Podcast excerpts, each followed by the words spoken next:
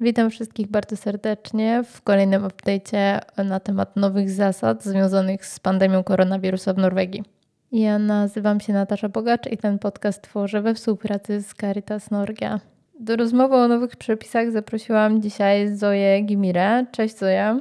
E, cześć, witam. Zoja pracuje w fundacji Mangfold i Arbeitsliebe, e, ale też działa bardzo prężnie w środowiskach polonijnych. Prowadzi stronę Polski Dialog na Facebooku.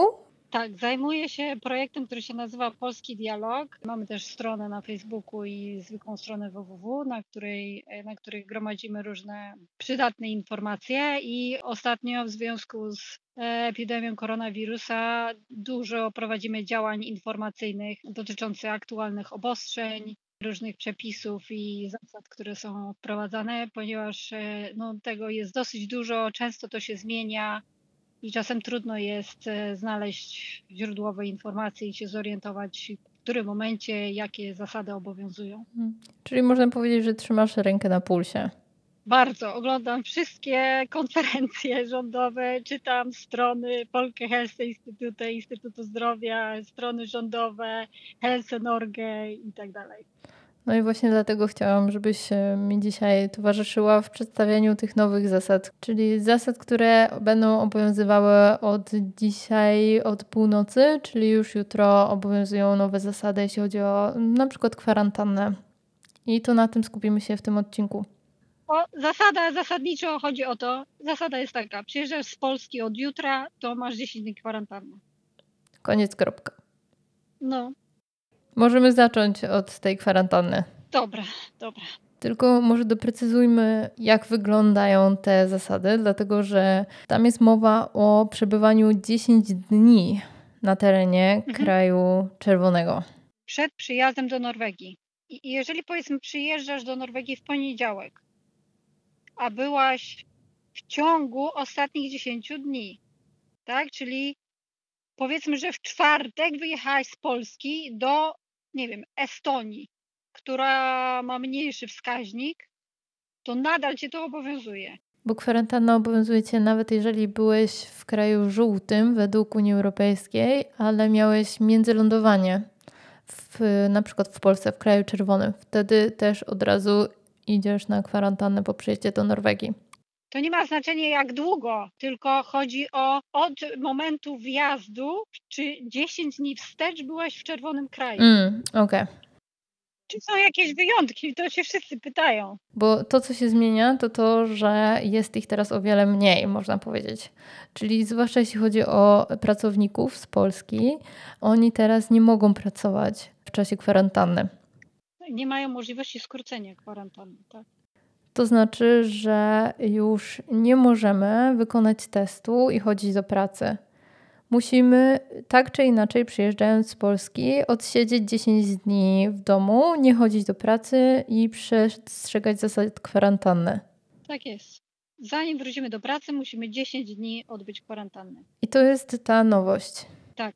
Te przepisy zostały bardzo zaostrzone i większość krajów jest w tej kategorii. To nie jest tylko Polska, ale większość krajów europejskich jest w tej kategorii, że po powrocie do, czy po przyjeździe do Norwegii y, trzeba odbyć 10-dniową kwarantannę.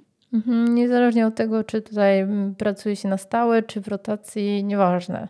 Tak, to nie siak. ma znaczenia, hmm. jak pracujemy, czy przyjeżdżamy turystycznie, czy do pracy. Wcześniej była możliwość wykonania testu e, i po negatywnym wyniku można było przyjść do pracy, natomiast teraz już nie ma takiej możliwości dla większości krajów europejskich. Właśnie i to jest to, co próbujemy dzisiaj podkreślać, że od jutra, od soboty te przepisy się zmieniają. A co jeśli chodzi o zawody krytyczne dla działania społeczeństwa, pielęgniarki, kierowcy? To zawsze leżało od początku w kwestii decyzji pracodawcy nadal jest tak, że osoby, które są w krytycznych zawodach i absolutnie muszą wrócić do pracy, bo inaczej jakby to wpływa na funkcjonowanie społeczeństwa, na przykład pielęgniarka, to pracodawca może zwolnić z kwarantanny. Oczywiście i tak pewnie trzeba wykonać testy, natomiast no, to zależy od pracodawcy i, i e, rząd już jakiś czas temu mówił, że należy to stosować w bardzo wyjątkowych przypadkach, że to nie jest coś, co jest automatyczne, że jak ktoś pracuje jako kierowca, to automatycznie jest zwalniany z kwarantanny. Okej, okay, jeszcze mówiliśmy o jednej rzeczy, o jednym takim wyjątku, kiedy jest napisane w tej ustawie covidowej w Norwegii, że nie można chodzić do pracy, gdzie znajdują się, gdzie przebywają inne osoby.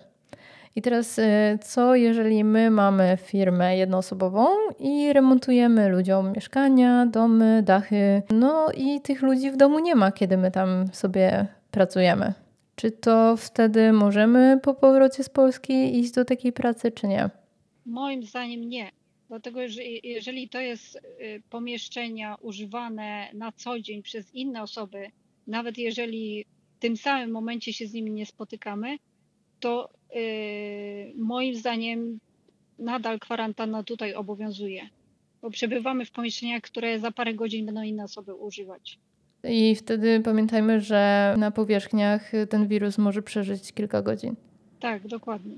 Są różne badania na ten temat. Y, no, mówi się o tym i po to się też stosuje środki dezynfekujące, tak? Powierzchnie, stoliki, które się używa, telefony, kubki, więc dlatego nie narażajmy naszych klientów na mm, zarażenie wirusem COVID-19, bo to też może się wiązać z konsekwencjami dla nas jako pracowników. No tak, no nie chcielibyśmy nikomu sprawić trudności, a to też będzie miało konsekwencje oczywiście dla nas, no, gdyby coś się miało wydarzyć. Może warto dodać kilka słów o tym, dlaczego akurat teraz wprowadzane są te ostrzejsze przepisy bo jest w tym element czysto statystyczny, moim zdaniem, e, który nie jest, że tak powiem, specjalnie naświetlany. Tak, no bo dlaczego właśnie? Tu nie chodzi o jakieś, e, o to, że Norwedzy nas nie lubią, czy nas prześladują i dyskryminują, tylko chodzi o liczby.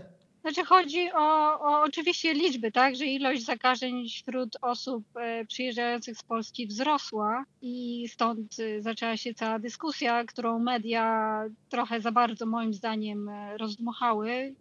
Natomiast no, w związku z tym, że jest bardzo duża, bardzo duży wzrost zakażeń w Polsce, a ponadto Polacy są największą grupą migrantów w Norwegii się przemieszczają. Duża część z tych osób to są osoby pracujące rotacyjnie, w związku z tym no siłą rzeczy jeżdżą z Polski do Norwegii i w drugą stronę, no to po prostu jest większe ryzyko, że ilość zakażeń związanych z powrotem do Norwegii z Polski wzrosła.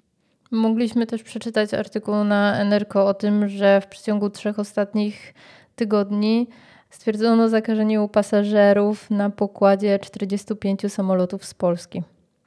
No tak, no owszem, NRK o tym napisało, yy, przy czym no właśnie, no jakby ja nie mam poczucia, że wyliczanie takie, ile samolotów przyleciało na pokładzie których e, okazało się, że są osoby zakażone, przynosi jakieś, no nie informacyjne, szczególnie wiadomości. Ale na pewno robi efekt na Norwegach. Tak, wiadomo, że media potrzebują trochę sensacji, tak, i dawać e, informacje czy nagłówki, które będą przyciągały uwagę. Natomiast jest mnóstwo innych samolotów, na których pokładzie też były osoby zakażone z różnych innych miejsc. Ale no, jakby z mojego punktu widzenia warto też się zastanowić, z czego to może wynikać. Po pierwsze, no to jest czysta matematyka, tak? że im więcej zakażeń w Polsce, im więcej ludzi się przemieszcza, tym większe jest ryzyko. A wiem, że Polacy są grupą, która się przemieszcza, ale też jest kwestia cała informacyjna. Na ile ludzie są poinformowani e, na temat obowiązujących zasad, to jest jedna rzecz. I co też władze zrobiły, żeby informacja dotarła rzeczywiście do wszystkich grup jeżeli 30% Polaków mieszkających w Norwegii czy pracujących w Norwegii, czyli to jest około 30 tysięcy ludzi, to są osoby pracujące rotacyjnie, to kto w takim. Oczywiście oni są zobowiązani się wszyscy doinformować, tak? No, ludzie tu przyjeżdżają i muszą przestrzegać obowiązujących przepisów, ale też, no umówmy się, że większość informacji jest po angielsku i po norwesku. Czy wszystkie te osoby mówią po angielsku i po norwesku? Teraz jesteśmy w sytuacji, w której to, co robią inni ludzie, bardzo wpływa na wszystkich innych. W związku z tym rząd zdaję sobie z tego sprawę, że e, muszą docierać z informacją do wszystkich, którzy się znajdują w Norwegii, między innymi dlatego do turystów, jak granice się otworzyły w wakacje, były wysyłane SMS-y w momencie przekroczenia granicy. Pytanie, na ile rzeczywiście zostały wykonane działania, żeby również do takich osób, które pracują rotacyjnie, dotarła informacja w języku, który oni rozumieją. To, to jest jedna rzecz, na ile rzeczywiście ludzie y, dostali informacje, a oczywiście druga rzecz, która dotyczy wszystkich, na ile te przepisy były przestrzegane. I pracowników, i pracodawców. Dokładnie. Hmm. Także no to jest wiele elementów. Samo takie podawanie takich sensacji, że na 45 lotach z Polski były osoby zakażone, no to, to jest tylko takie trochę tworzenie sensacji, no, moim zdaniem. Mm. Także nie dajmy się sprowokować.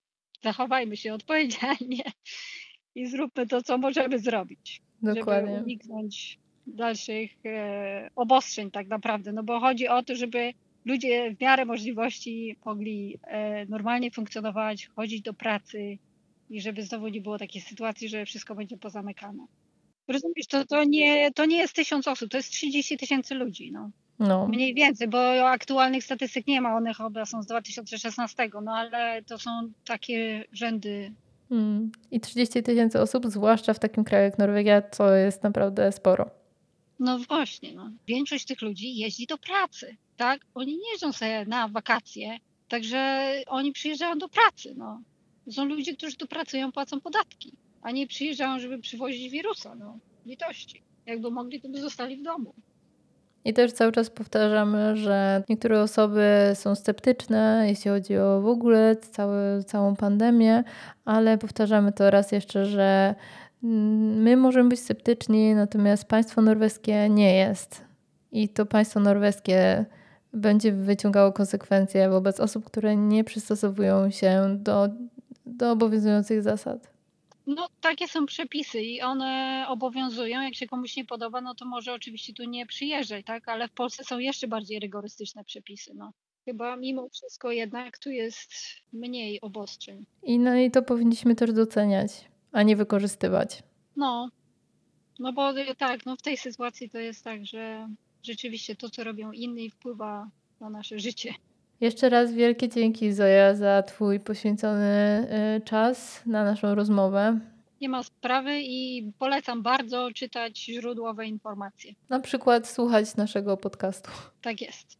I zawsze, jak człowiek ma wątpliwości, to warto się pytać, że niekoniecznie na Facebooku, ale gdzieś, gdzie wiadomo, że można dostać rzetelne informacje. Do Centrum Caritasu można wysłać wiadomość przez Facebooka i tam też zawsze odpowiemy, y, jakie są aktualne, obowiązujące zasady.